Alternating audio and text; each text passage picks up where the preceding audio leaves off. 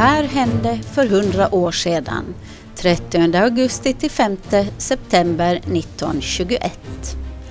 Den 31 augusti skriver tidningen Ålands skribent ett årsminne från september föregående år när Åbo hovrätt meddelade domen för Julius Sundblom och Carl Björkman för högförräderi.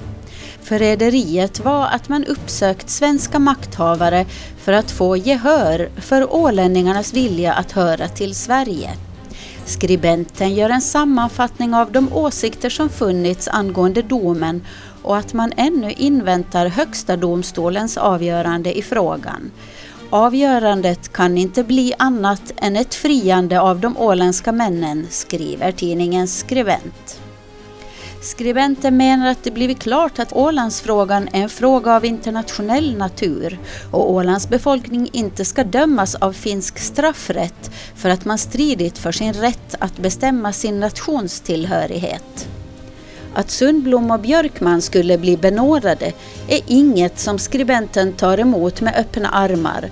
Han ser att det bästa är att lägga ner åtalet. Åbo underrättelser skriver att fallet Sundblom och Björkman ska tas upp av Högsta domstolen inom september. Den informationen har man fått från svenska tidningar. Något meddelande föreligger icke om vilken juridisk tolkning utslaget kan väntas innehålla. Tidningen Åland refererar till den svenska pressen angående att det framförts att de svenska delegaterna vid Nationernas förbund inte försökt genomdriva en nedläggning av den rättsliga processen mot Sundblom, Björkman och lantbrukaren Johannes Eriksson. Men tidningarnas telegrambyrå TT frågade och fick svar av det svenska utrikesdepartementet. Svaret är att de svenska delegaterna fått uttryckliga instruktioner att försöka avstyra den rättsliga processen, men frågan togs inte upp av Nationernas förbunds råd. Tidningen Åland refererar också till några andra svenska tidningar under rubriken Östersjöpolitiken. Aftonbladet säger att för Sveriges Östersjöpolitik och trygghet är det viktigt att det blir en så fullständig neutralisering som möjligt för Åland. Sverige måste också avvakta och se hur stor lojalitet Finland visar i neutraliseringsförhandlingarna.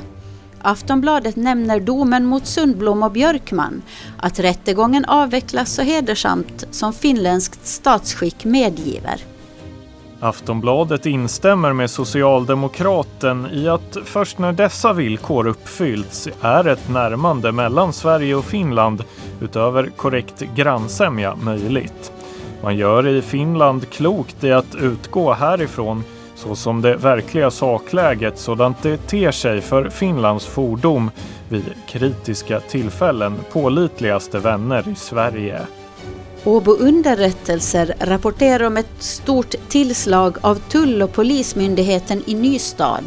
En åländsk smugglarbåt besköts av en av tullens båtar. Besättningen var Brändebor. Smuggelgodset var smör, ägg och en flaska konjak. Tillslaget var ett resultat av att polisen i Nystad följt upp ett rykte om kaffesmuggling från Sverige. Polisen gjorde en husundersökning i bröderna Sandells affär i Nystadstrakten där man hittade över 700 kilo oförtullat kaffe. När tullen och polisen gjorde ett tillslag i Lokalax utanför Nystad hos en handlare som enligt tips hade smuggelkaffe råkade man också på en motorbåt med ålänningar. Tullbåten signalerade att motorbåten skulle stanna. Motorbåten saktade in men körde inte fram till tullbåten.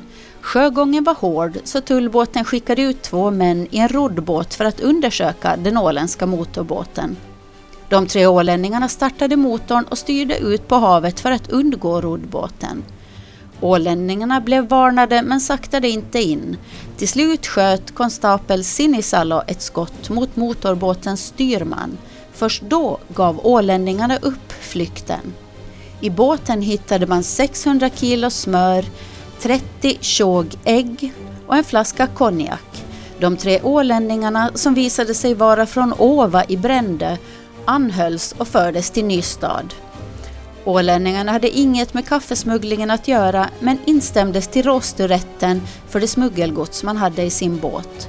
De handlare som polisen och tullen misstänkt erkände sedermera att de smugglat avsevärda mängder kaffe. Det var allt för den här veckan. Vi hörs igen nästa vecka. Jag heter Nina Smeds.